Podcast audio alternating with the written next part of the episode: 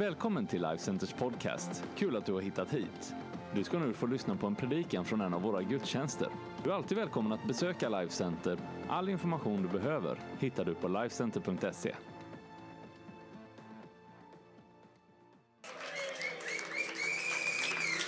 Tack ska ni ha. Härligt. Ska ju ge din kompis en, eh, en high five och säga nu är det dags för predikan. Vi har någon liten ton som ligger och rung, ringer här. En liten o-ton här. Härligt. Sådär. Hörni, eh, spännande att få predika för er idag, mitt i sommaren. Jag kommer eh, precis ifrån Kanada där jag var sex dagar eh, för att besöka en eh, systerförsamling till den här kyrkan, eller ursprunget egentligen. Den heter eh, Slate Church eh, i Waterloo som då leds bland annat av min dotter och hennes man Luke. Victoria och Luke tillsammans med hans svåger och eh, syrra. Eh, och de här kommer att besöka oss i samband med vår konferens eh, till våren. Och eh, vi har någonting att lära av dem och vi har någonting som vi har lärt dem. Men det fantastiska är, fantastiska är att få komma in i en, en gemenskap, en andlig kristen gemenskap och känna att det är precis som hemma. Och en, en härlig puls över den mitt i sommaren. Och det är precis det jag tror att vi ska få vara med om också här i Västerås i sommar. Hörni, mina vänner, vi ska gå till första Johannesbrevets eh, första kapitel och vi ska läsa några verser där. Och jag tänker idag predika och tala om fullständig glädje. Fullständig glädje, låter inte det bra? Om vi då läser de första sju verserna i första Johannesbrevet så, och du ger dig lite tid att plocka fram telefonen eller din pappersbibel. Det är bibeln när du lyssnar på predikan och sen så går du över till anteckningarna i telefonen eller i ett eh, bra skrivet eh, eh, notebook som du har. Så får du med dig någonting hem också. Och så kan du ju lyssna på podcasten också i efterhand. Men det är någonting som handlar om att mata sitt liv med det som är Guds ord så att det också rota sig i oss. Eh, vi läser de första sju verserna. Det som var från begynnelsen, det vi har hört med våra egna ögon och med, eh, det vi har hört, det vi med egna ögon har sett, det vi skådade och med våra händer rörde vi. Om livets ord är det vi vittnar.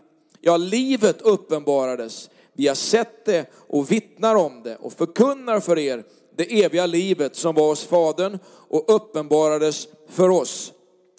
Det vi har sett och hört förkunnar vi för er, för att också ni ska ha gemenskap med oss. Och vår gemenskap är med Fadern och hans son Jesus Kristus. Och detta skriver vi för att vår glädje ska vara fullkomlig. Detta är det budskap vi har hört från honom och som vi förkunnar för er, att Gud är ljus och att inget mörker finns i honom. Om vi säger att vi har gemenskap med honom och vandrar i mörkret så ljuger vi och handlar inte efter sanningen. Men om vi vandrar i ljuset liksom han är i ljuset så har vi gemenskap med varandra och Jesu, hans sons blod, renar oss från all synd. Ska vi be? Herre, jag tackar dig för att du vill lysa på ditt ord den här morgonen, Herre. Låt det få bli liv och kraft och någonting som, som ger oss, Herre, styrka och vägledning i våra liv. Jag tackar dig för att vi kan bygga våra liv, Herre, på ditt ord. I ditt mäktiga namn vi ber. Amen. Ska vi säga amen allihopa? Det betyder att så ska det bli. Härligt. Är ni laddade för predikan eller? Hur är det? Har ni, har ni sommarslummer? Mycket glass, sommar och sol, doft av kaprifol. Um, när Bibeln talar om Guds rike så är det ganska intressant att Bibeln inte först nämner kärlek. Vi läste Johannes 3.16, du fick lyssna till det. Ty så älskade Gud världen att han gav den sin enda son för att var och en som tror på honom inte ska gå under utan ha evigt liv. Men Jesus säger om Guds rike genom det som är den förkunnelse Paulus ger. De här orden, Romarbrevet, ska vi få upp det på skärmen? Guds rike är inte mat eller dryck, utan rättfärdighet och frid och glädje i den helige Ande. Guds rike är inte mat eller dryck, utan rättfärdighet, frid och glädje i den helige Ande. Paulus, som skriver de här orden, det var Johannes vi läste tidigare i början här. Men här säger Paulus någonting som talar om att det finns en utmaning i våra kristna liv att inte störa oss på eller utmana varandra genom våra attityder eller värderingar omkring det vi äter eller dricker eller det någon annan äter eller dricker. Han säger att Guds rike har inte med det att göra. Ehm, när vi talar om och vi läser våran bibel eh, så, så fanns det ju utifrån den judiska bakgrund som den första kyrkan hade en klar uppfattning om vad man skulle äta och inte äta. Man ät, åt inte liksom gris, man åt inte de djur som ansågs vara orena. Det är väldigt tydligt i vår kultur också. Men många människor som kommer från andra världsdelar kommer till Sverige, andra länder, andra religioner som kommer till Sverige. Man har olika uppfattningar om vad som är korrekt och inte korrekt. Vi har i vår svenska kristna kultur väldigt tydligt haft en uppfattning om vad som är korrekt avseende alkohol eller inte. Vi har idag en ganska tydlig debatt som pågår om man ska vara vegan eller inte, vad man ska äta eller inte. Men Guds rike består inte i mat eller dryck, utan den består av rättfärdighet, frid och glädje. Det är alltså inte oväsentligt hur vi ser på varandra. Men det är inte det väsentliga. Det är inte oväsentligt att vi respekterar varandra och respekterar andra människors uppfattningar, för vi vill inte leva på ett sådant sätt att det leder någon annan att tappa segern i deras liv. Så låt oss inte leva på ett sätt som utmanar varandra, säger Bibeln, utan respektera varandra. Och så får du hålla på dina värderingar, men du kanske kan leva på ett sätt när du möter andra människor som känns liksom respektfullt gentemot andra människor. Därvid lag alltså inte påtvinga alla människor dina uppfattningar omkring allt. Men du behöver inte heller, ska vi säga, kliva över det som är dina värderingar. Min syn är väldigt enkel omkring det här, att Bibeln, till, Paulus, eh, till Petrus till exempel, så, så, så sänks en duk ner. Som säger att med alla jordens djur, va? och så säger en röst från himlen, slakta och ät. Det jag har gjort, det, har jag, det jag har skapat och det jag har sagt liksom är rent, det ska, det ska inte du göra orent. Va? Det kanske är någonting för en vegan idag. Alltså att om du är vegan är det okej okay att du är vegan, men om någon annan inte är det okej okay att den inte är det. Din syn på alkohol kanske är din syn på alkohol och inte någon annans syn på alkohol. Därför att Guds rike består inte av mat eller dryck utan det är rättfärdighet, frid och glädje. Det innebär inte att vi inte har uppfattningar och värderingar omkring det. Och jag ska inte ägna mig så mycket åt dem idag. Men jag vill passa dig det här från början. Därför att det som är summan av det här, det är att det finns kännetecken på det som producerar glädje i våra liv. Vad är det som producerar verklig glädje i våra liv? Um, är det någon som vill ha mer glädje? Det är klart vi vill ha mer glädje. Det, vi vill uppleva och vi vill leva i den glädje Gud ger. Och idag så skulle jag vilja tala om de här förutsättningarna som Bibeln ger oss för att vi ska kunna ta emot den glädje som Gud ger oss. Ulrika, min fru, hon berättar här att hon har varit på några dagars besök i sin hemstad Karlskrona. I Karlskrona finns Sveriges enda som är värt namnet. Marina stad.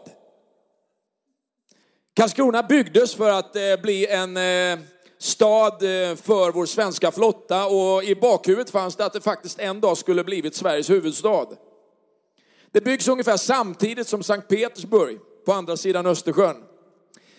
Idag så huserar vår svenska ubåtsflotta till stora delar där nere och i Karlskrona så byggs några av världens absolut bästa ubåtar. En av de få ubåtar som överhuvudtaget, jag tror till och med den enda som någonsin har tagit sig in i en hangarfartygsgrupp någon gång för att den är så pass tyst. Svenska ubåtar är världsledande. Den här sommaren har jag sett på ett par stycken ubåtsfilmer, tro det eller ej. Och det är inte liksom Beatles Yellow Submarine utan det är sådana klassiska ubåtsfilmer som alla ungefär har samma typ av innehåll. Spelar ingen roll om den är svartvit från 50-talet, efter kriget precis, eller det är sådana här som är under kalla kriget, jakten på röd oktober, Sean Connery i huvudrollen. Eller någon av de här mer moderna U571, När man ska överta en tysk ubåt och sen, liksom, eh, ja, framförallt få tag på det som är Enigma-maskinen som kunde liksom översätta alla budskap då som var kodade. Det finns många spännande ubåtsfilmer. Den bästa tycker jag är Das Boot. Den finns som en Netflix-film numera också. En som jag såg nyligen hette The Wolf's Cry, fransk film. Varför ser man inga franska filmer? De är ju fruktansvärt bra. Vad mycket massproducerat skräp som finns. Men franska filmer, ja, de är ju helt fantastiska. De kan ju till och med innehålla franska skådespelare. Ett moment som dyker upp i alla de här filmerna, det är ju det här pingljudet. Jag har ett sånt där pingljud på min telefon någonstans som jag brukar ha som en sån här signal. Nu ska jag försöka se om jag kan få fram det här. Ljud och haptik, signaler. Den här har jag. Nu ska vi se om man kan höra den här.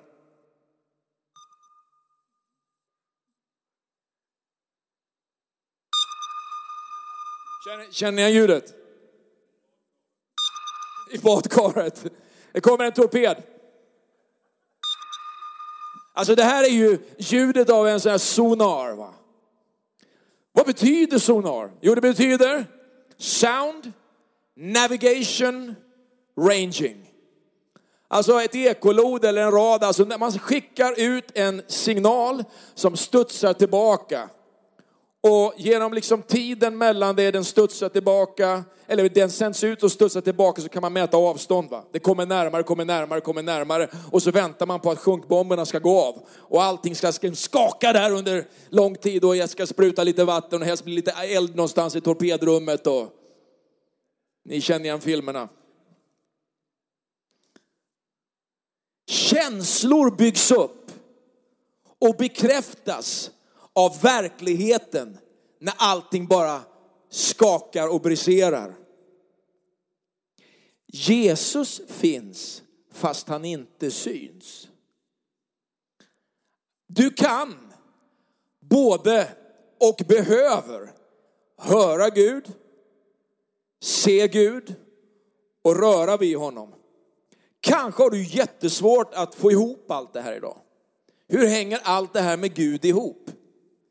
Men det finns en underbar verklighet bortom alla signaler som du sänder och som du tar emot, som en dag briserar i en rungande verklighet.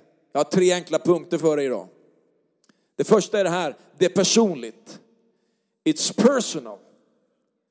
Vår tro är något personligt. Vi läste den här första texten av Johannes.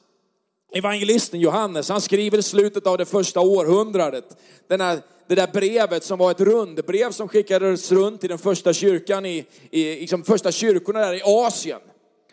Liksom, de, de, de hade hållit på att strula till det lite, för det hade kommit liksom ett gäng in va, som hade börjat predika lite annorlunda än det som var apostlarnas undervisning det som var Jesu undervisning som han hade gett till dem och som de skulle förvalta. Och så, så spreds det in liksom en avart, man, man vred om själva undervisningen. Och det personliga här som vi möter, det är ju en game changer. Därför att Johannes var ju ett ögonvittne till det Jesus gjorde. De hade sett Jesus, de hade hört honom och de hade rört vid honom. De hade rört vid den uppståndne, de hade hört honom predika och de hade sett honom göra mirakel. Och det spelar ju ingen roll hur ifrågasatta de var. Hur ifrågasatta de var när det gäller sitt budskap eller hur de, vad andra människor tyckte om det som, eh, som de sa. Därför att de visste att de hade sett honom. De hade hört honom och de hade rört vid honom.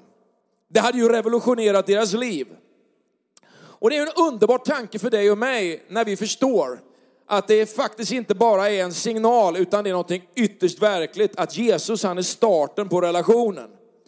När Johannes skickar liksom det här brevet så är det en jättepassning till människor som då hade försökt förvrida tron genom att bland annat, bland annat säga att, att Gud, han kan inte bli materia. Det kallas egentligen för gnosticismen där va. Liksom starten på det, att Gud kan inte liksom bli människa. Men de hade ju mött Gud som människa.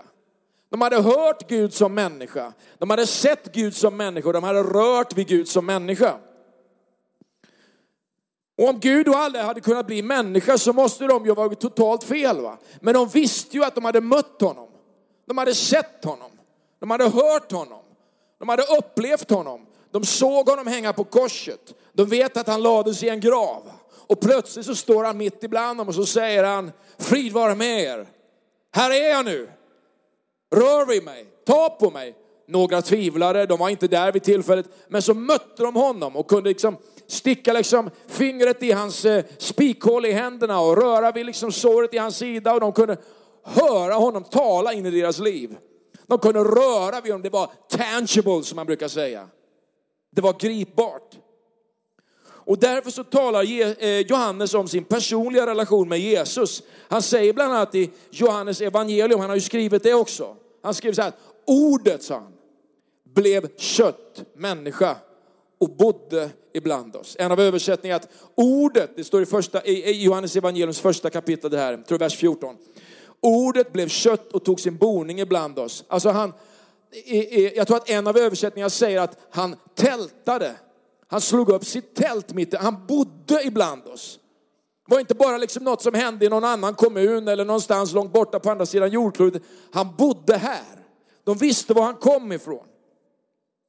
Allt som du kan läsa om i Bibeln finns därför att du ska kunna uppleva en personlig relation med Jesus. En personlig relation med Gud. It's personal. Det du läser och det vi predikar, det står i Bibeln därför att Gud har prioriterat att vi ska kunna leva i en personlig relation med honom. Är det här bra eller? Är ni med nu här? Jag förstår att ni liksom Eh, memorerar och, och reflekterar och noterar här nu va? Vad står det i Romarbrevet 15, vers 4? Det står så här. Allt som har skrivits tidigare är skrivet till vår undervisning för att vi ska bevara vårt hopp genom den uthållighet och tröst som skrifterna ger. Alltså allt som är skrivet, allt som Bibeln säger finns där för att vi ska kunna liksom hitta en personlig relation med Gud. Det står i andra Petrus brevs första kapitel så här. Hans gudomliga, vi tar nästa bibelord här. Hans gudomliga makt har skänkt oss allt vi behöver för liv och gudsfruktan. Alltså allt det Gud ger dig i relationen med honom, det räcker för ditt personliga liv. För att ditt liv ska funka, för att din eh, gudsrelation ska funka. Alltså att all den här andliga delen av ditt liv också ska få traction liksom i ditt vardagliga liv. Allt det som finns där, allt Gud har gett dig finns där för att du ska kunna leva det här livet på ett härligt sätt. Va? Så det är personligt. Därför att din tro handlar inte om att du primärt ska bli övertygad om att nu ska du följa ett visst system för att du ska liksom hitta Gud. Du behöver ett personligt möte med Jesus som förvandlar allt. Så oavsett om du är en sån här person som, som jag skulle säga, får jobba lite med din kritiska, intellektuella, svenska, västerländska eh, fostran. Eller du är en lite sådär eh, extrovert, eh, karismatisk, eh, känslomässigt, überkänslomässigt lagd som nästan tror på allt. Du vet en sån där som man sitter runt bordet och berättar en story och så ljuger man lite nästan. Alltså, så säger de bara, men är det, ja men tänk vad spännande. Och du bara, hur kan man tro på det här säger de. Alltså det finns ju människor i båda spektrum, sådana som aldrig vill tro på något och sådana som går på nästan vad som helst. Va? Oavsett var du är på spektrat va? så är det så här att du behöver ett personligt möte med vem Jesus är. Du behöver uppleva vem han är. It's personal. Ett personligt ställningstagande. Relationen till honom på samma sätt som ekolodet och det här pingljudet va. Möter torpeden och radar liksom eh, signalerna studsar tillbaka så sänder Gud en signal till dig idag. Han är på väg va. Han kommer. Och det kommer att brisera liksom i en överväldigande skakning. Va? Ah, han finns. Han hör mig. Jag kan be till honom. Det funkar. Tron är en verklighet. Det är inte bara liksom någonting där borta utan det är på riktigt. va. It's personal. Det andra jag tänker på är att det är mer än en känsla. Och det bara får mig att tänka på en underbar sång. va. More than a feeling. Alltså jag har varit, i, jag har varit inne i alla, alla sådana härliga band från när jag växte upp. Journey och alla möjliga. Och jag bara tycker så underbart. Men det är mer än en känsla. Va? Att Jesus han finns fast han inte syns, men han är mycket, mycket mer än bara ett känslomässigt liksom, spektakel. Vet, Johannes var ju ett ögonvittne och han kunde säga att han hade hört och sett och rört vid honom. Och på ett liknande sätt kan du och jag idag höra honom, röra vid honom och se honom. Va, säger du? Hur är det möjligt? Ja, det är absolut möjligt. Så vad har du hört? Ja, texten säger ju här som vi läste, det som var från begynnelsen, det har vi hört. Hur, hur, kan, man, hur kan man få ihop det? Jo, det, alltså ingenting finns till utan att Gud har skapat det. Inget finns som inte Gud har skapat. Den här världen existerar därför att den först fanns hos Gud innan den blev synlig. Gud är ursprunget till att vi existerar och det är därför vi tror att han har en plan med våra liv. Det finns alltså en mening och det finns ett sammanhang där vi hör hemma. Om jag läser min bibel så ser jag bland annat att Jesus säger om sig själv i Uppenbarelsebokens första kapitel, du kan läsa om det i vers 8. Han säger så här, jag är alfa och omega, jag är A och O, det är det grekiska alfabetet. Va? Alfa är första bokstaven, omega var den sista bokstaven. Jag är A och Ö på svenska, säger Herren Gud, han som är och som var och som kommer, den allsmäktige. Alltså Jesus, han är begynnelsen, men han är också slutet. Va? Han är det som börjar och han är det som avslutar. Han är den som börjar den här skapelsen och den här världen ska inte förgå med allt det som finns i den förrän liksom allt det som Gud har sagt har nått sin fullbordan. Va? Och då ska han upprätta en ny värld, en ny himmel, en ny jord. Va? Säger Bibeln. Där han ska regera och där vi ska få regera tillsammans med honom. Alfa och omega, början och slutet. Och allt däremellan. I Johannes 1 så står det så här i vers 3-5 och det är samma författare som första Johannes vi har läst. Allt blev till genom honom. Och utan honom blev ingenting till av det som är till. Hängde du med där? Allt blev till genom Jesus och utan Jesus blev ingenting till av det som är till. I Jesus var liv och livet, Jesus var människornas ljus. Och ljuset, Jesus, lyser i mörkret och mörkret har inte övervunnit det Jesus kom med, det han är och det han vill ge till dig och mig. Det finns alltså en möjlighet att verkligen hitta ett ursprung i Jesus. Och varför är det här så superviktigt för dig och mig? Jo, därför att det är ju i ursprunget, i originalplanen, som hela kontexten, hela idén finns. Va? Det är ungefär som om du bygger en modell eller du ska montera ett, eh, ett IKEA-kök eller någonting. Va? Och så börjar du på sista sidan. Va? Man är ju jättefrustrerad. Och man har byggt det här tusen miljoner gånger. Va? Bokhyllan, Billy, Bob, alltihopa. Alltså man har byggt alltihopa om och om igen. Och så, hur var det nu då? Men du vet när det är första gången. Och man ska plocka fram den eländiga insektsnyckeln och alltihopa och, och, och, och hitta liksom. Det är väldigt svårt va? att se sammanhanget. Men det finns alltså ett ursprung. Det finns en kontext. Så här är tanken, så här är planen, så här är konstruktionen. Va? Och innan man kommer in på det va, så är det ju liksom helt hopplöst. Va? Och det är därför man behöver gå till ruta ett. Va? Man börjar med att lägga ut prylarna och kolla om det saknas någonting eller inte. Saknas det någonting, vilket det sällan gör nu för tiden, så är man ju liksom mindre frustrerad.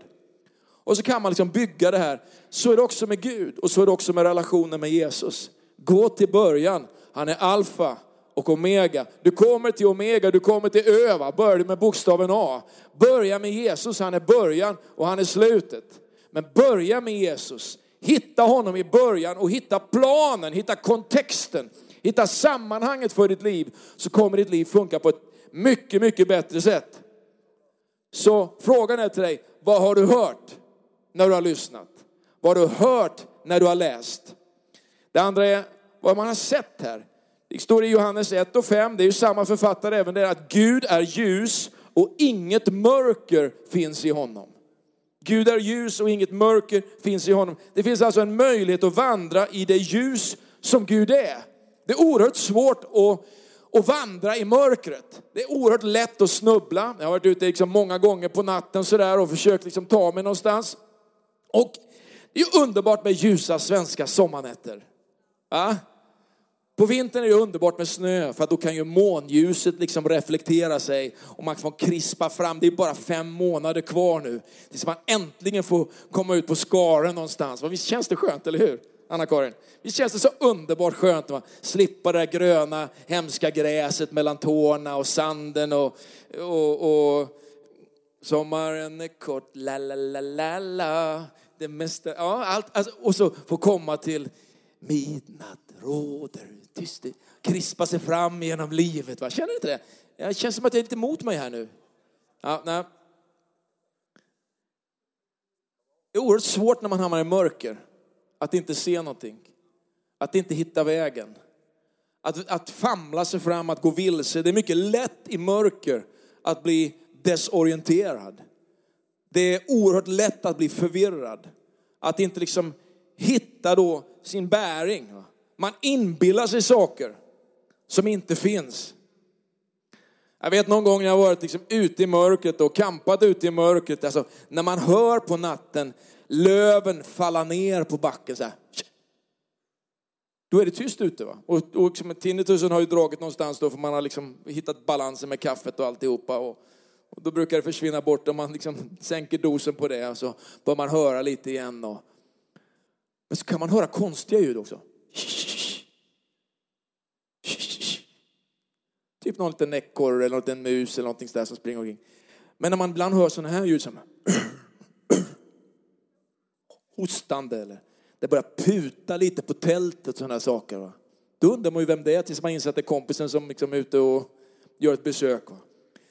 Men du vet när man, när man börjar inbilla sig saker så tänker man kanske på de gånger det har varit verkligt. Va? De har haft någon björn på tältet någon gång och sånt där. Va? Det, är, det, är, det är lite mer läbbigt då. Men förvirringen kommer i mörkret. Va? Det är svårt att tolka alla signalerna. Och rädsla och misstänksamhet, den gror där det inte är ljus. Men Gud är ljus och han kommer inte med fördömelse. Gud kommer inte med förvirring, för det finns ingen förvirring i Gud. Det finns bara ljus. Gud är ljus och inget mörker finns i honom. Så att när, när, vi då, när vi tänker på det här att vi har hört honom, vi har sett honom, så är det faktiskt så att när du kommer till honom så vill han komma med ljus in i din livssituation. Vet, det är det som man brukar kalla för uppenbarelsen om Jesus. När man ser Jesus på ett sånt här sätt att man, okej, okay, Jesus ser jag i ett annat ljus. Hur ser jag honom när jag får en uppenbarelse om vem han är? Jo, jo, jag ser det som är fel med mig och jag ser det som är rätt med Jesus. Och så inser jag att min synd och mitt elände i mitt liv, alla mina taffliga försök att vara duglig och okej, okay, det duger liksom inte. Men jag vill inte heller stanna där va. För det är mörker. Det är fördömelse. Va? För att synden i mig dömer mig. Men så kommer ljuset. Va? När jag inser att Jesus säger PJ, det är okej. Okay. Kasta dina bördor på mig. Kasta din synd på mig. Jag tar den på mig. Jag har redan tagit den på mig. Det är okej okay nu.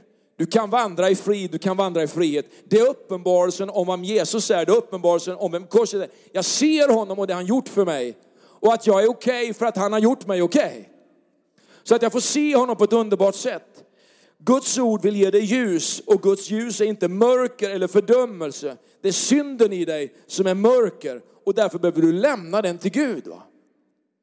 Men du kan också röra vid honom. Vi talade ju om det här att vi har sett honom, vi har hört honom och vi får röra vid honom. Det finns ett oerhört tydligt sätt som vi kan röra vid Jesus idag och det är gemenskapen med andra troende. Va? Det här är ett sätt att röra vid Jesus idag. Att se varandra. Va? Det är att möta varandra. Det är att komma till en kyrka en söndag och liksom möta människor som säger kul att du är här idag, vill du ha en kopp kaffe? Eh, det att komma in i lovsången och höra liksom en predikan, det är att röra, att toucha vid det som är Gud idag. Bibeln kallar Guds församling för Kristi kropp. Hur kan man röra vid Kristus idag? Jo, man kan vara en del och man kan bli en del och man kan toucha det som är hans kropp idag. Det är därför det är så oerhört knepigt för människor som liksom kör soloracet, att vill vara liksom kristen på lite egen hand. Va? Därför man tappar liksom den, den där, vet det här är ju sinnena vi talar om. Att se, att höra, att röra, att känna, att uppleva, att smaka, att lukta. Va? Men det måste du, där måste du vara i närhet till andra människor som har mött Jesus för att du ska kunna möta det. Därför att annars så går du miste om enorma dimensioner av vem Jesus är och, vad han, och hur han fungerar idag, hur Gud funkar idag. Därför att du tappar liksom hela biten av vad det som är hans kropp idag.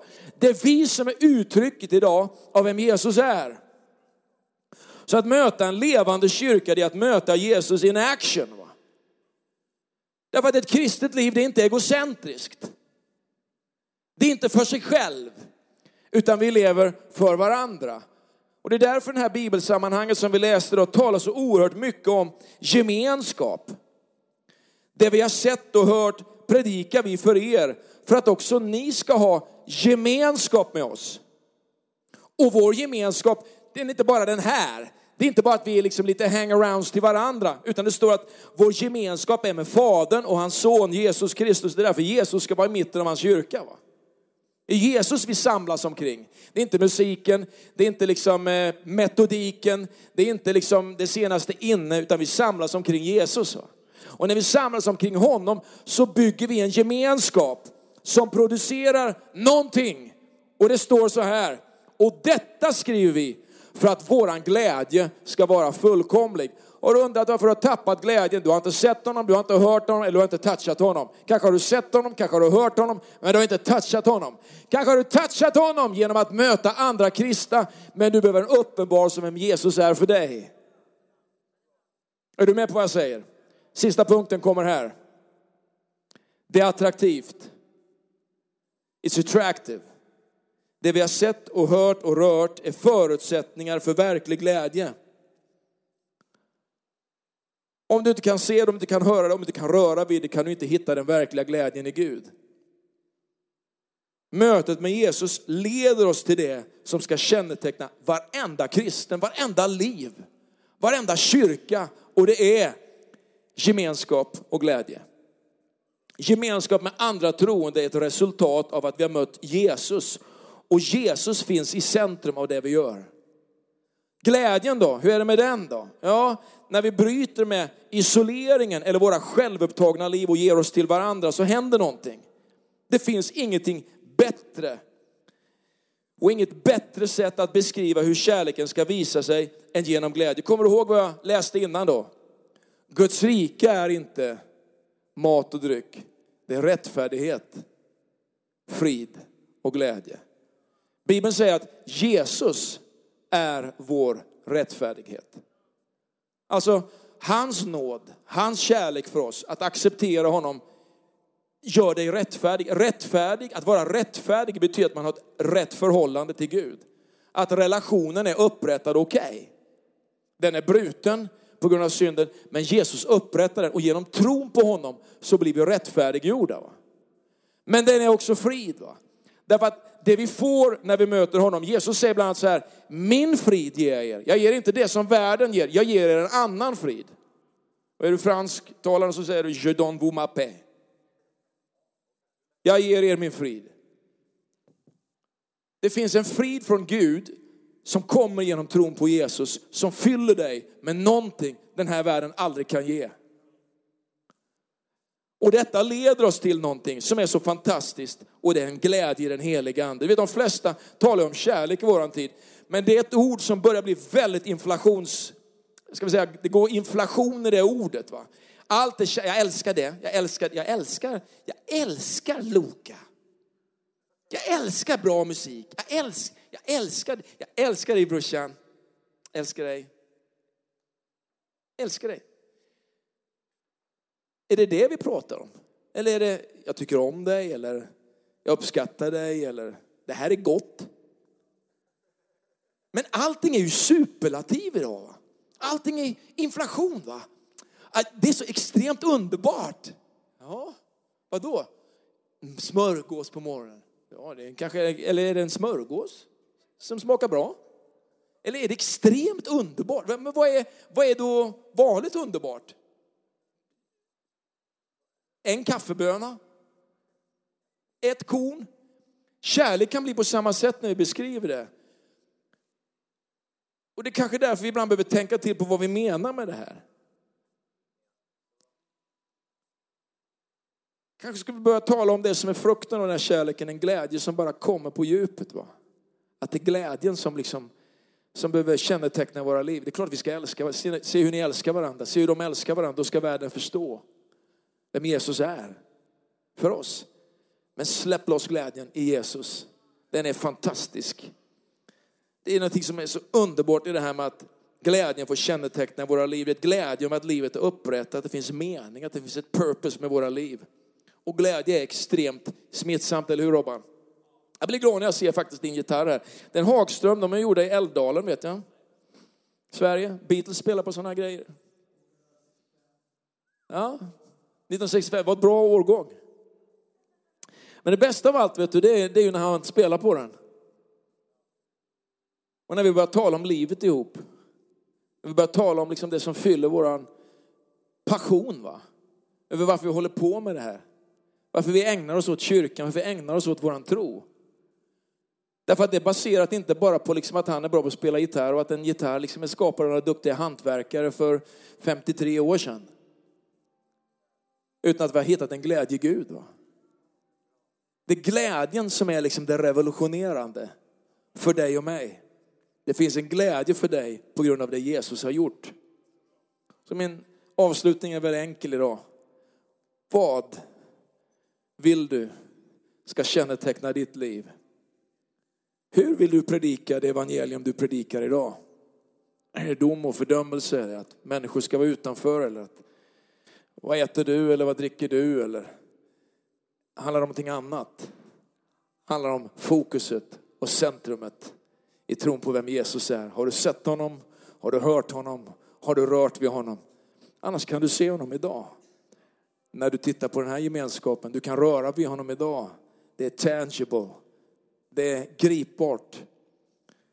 Genom att se hur en människa interagerar med andra människor varenda vecka och kanske bjuder in någon till en connect-grupp eller bjuder på sig själv eller finns på en bönelista ute i våran, på våran bönevägg här.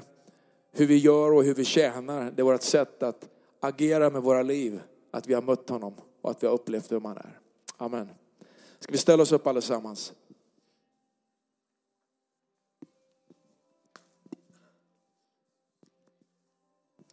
Det är något oerhört provocerande med människor som har en glädje oavsett omständigheter. Det är något som är så fantastiskt provocerande om man nu ska ha två stycken motsats, motsatser. Va? Att vara både fantastiskt och att vara provocerande. Va? Det är som liksom en krock mellan två världar. Va? Att hitta människor som trots de omständigheter de har gått igenom lever med en sån glädje i Gud. Att trots att kanske det har kraschat för dig så finns det kvar en glädje i Gud. Trots att du har varit sjuk så finns det en glädje i Gud. Trots att du kanske har förlorat en nära anhörig så finns det en glädje i Gud. Var kommer den ifrån? Ja, den kommer från djupet av dig. Den kommer från djupet av ditt inre där Gud har placerat en bit av sig själv. Den kommer från gemenskapen med andra troende som du möter och som du kan eh, identifiera dig med som medvandrare i den här världen. Låt oss släppa loss den glädjen. Den är attraktiv. Och det är faktiskt den glädjen som jag tror kommer att vara den största framgångsfaktorn för varje kyrka som kommer att uppleva framgång och tillväxt och att se sina städer förvandlade. Det är glädjen i Gud. Det är glädjen i Jesus Kristus. Mina vänner, det här är en bra sommar. Använd den på ett bra sätt. Bjud på dig själv och bjud på den glädje Gud har gett dig. Det är en fullkomlig glädje. Det är en fantastisk glädje Gud. Ska vi göra så att vi ber tillsammans. Och jag vill gärna be också för dig som kanske känner att det här är en sån här dag när jag verkligen inte har, har, har haft en tid eller en säsong, eller inte ens en morgon kanske, där, där glädjen har varit högst på, på hyllan. Utan det finns andra saker som har tagit över. Att du ska bara få släppa det. Att du ska se honom. Att du ska lyssna till hans ord och att du ska få röra vid honom. Hör hans ord idag som säger att min frid ger jag dig. Det finns en glädje hos Gud som, som, som bara, bara kan totalt skövla bort all oro och all ångest och all ofrid. Han vill bara komma in i din situation och ge dig av det. Men så vill han också koppla in dig i ett sammanhang där du får fullborda det som är din kallelse och ditt uppdrag genom att tjäna honom och att leva för honom. Jesus, jag ber Herre för varje människa. Tackar dig Gud Herre för livet tillsammans med dig. Jesus, vi älskar dig Herre och vi välsignar ditt namn Herre. Vi lovar dig Herre för att du idag Herre vill röra vid våra liv Herre. Herre, du vet Herre att det är mitt i sommaren Herre, och det finns så många olika saker Herre som kanske vill fånga våra sinnen Herre. Men jag tackar dig för en stund Herre, när vi bara kan få fokusera dig Herre. Och det har du gjort för våra liv Jesus. Vi älskar dig Herre. Och vi lovar dig Herre. Och vi tackar dig Herre för att du har berört våra hjärtan på ett sånt underbart sätt Jesus. Herre vi älskar dig Herre. Ska vi göra så att vi bara sluter våra ögon, böjer våra huvuden just här nu. Och så vill jag be en särskild bön för dig som kanske har förlorat någonting av själva eh, kraften i din glädje. Det som är studsen i ditt liv. Att Gud får möta dig på nytt den här sommaren och att du får ta emot honom på ett fantastiskt sätt. Kan inte bara göra så enkelt medan vi har våra huvuden böjda att du bara lyfter din hand så vill jag be en bön i tro för dig, för din livssituation och att du får ta emot honom och ta emot det han vill ge dig den här dagen idag. Gud välsigne dig, Gud välsigne dig. Det är flera stycken som söker honom här idag. Tack Jesus. För att du är på tronen här, att du segrar, att du regerar här i våra liv Herre. Herre vi älskar dig Jesus. Vi älskar dig Herre. Far jag ber för varje människa som har sökt dig just nu. Jag tackar dig Gud Herre för att i mötet med dig Herre så vill du skapa någonting fantastiskt Herre. Jag tackar dig för att ditt ord Herre talar in i våra liv Herre. Om hur mycket du älskar oss Herre. Hur mycket du, du, du, du har planerat för våra liv Herre. Jag ber Herre att vi ska få bara lägga ner våra bördor vid dig Jesus. Och välkomna dig Herre att fylla oss med mer av det som är din glädje och din frid Herre. Jag tackar dig Jesus för att du aldrig, aldrig Herre visar bort oss Herre. Utan du välkomnar oss hem till dig Jesus. I ditt mäktiga namn. Amen. Ska du göra så att du bara tackar Jesus en stund nu. Så välkomnar du honom att bara röra vid ditt hjärta. Vi ska lovsjunga en sång tillsammans här. Finns det här som inte känner Jesus på det sättet och och vill bara göra ett beslut för honom så är det väldigt enkelt för dig. Du kan säga Jesus, jag tror på dig och Jesus, jag tar emot dig. Vill du göra det så, så kan du be en enkel bön till Gud själv. Du kan be en enkel bön till Jesus genom att formulera dina ord på ett sånt här enkelt sätt. Och vi kanske ska be tillsammans den här enkla bönen. Jesus, jag tror på dig. Jag välkomnar dig in i mitt liv. Jag lägger mitt liv i dina händer mina misstag och mina nederlag. Jag tackar dig Gud för att min framtid finns hos dig. Att du älskar mig. Amen.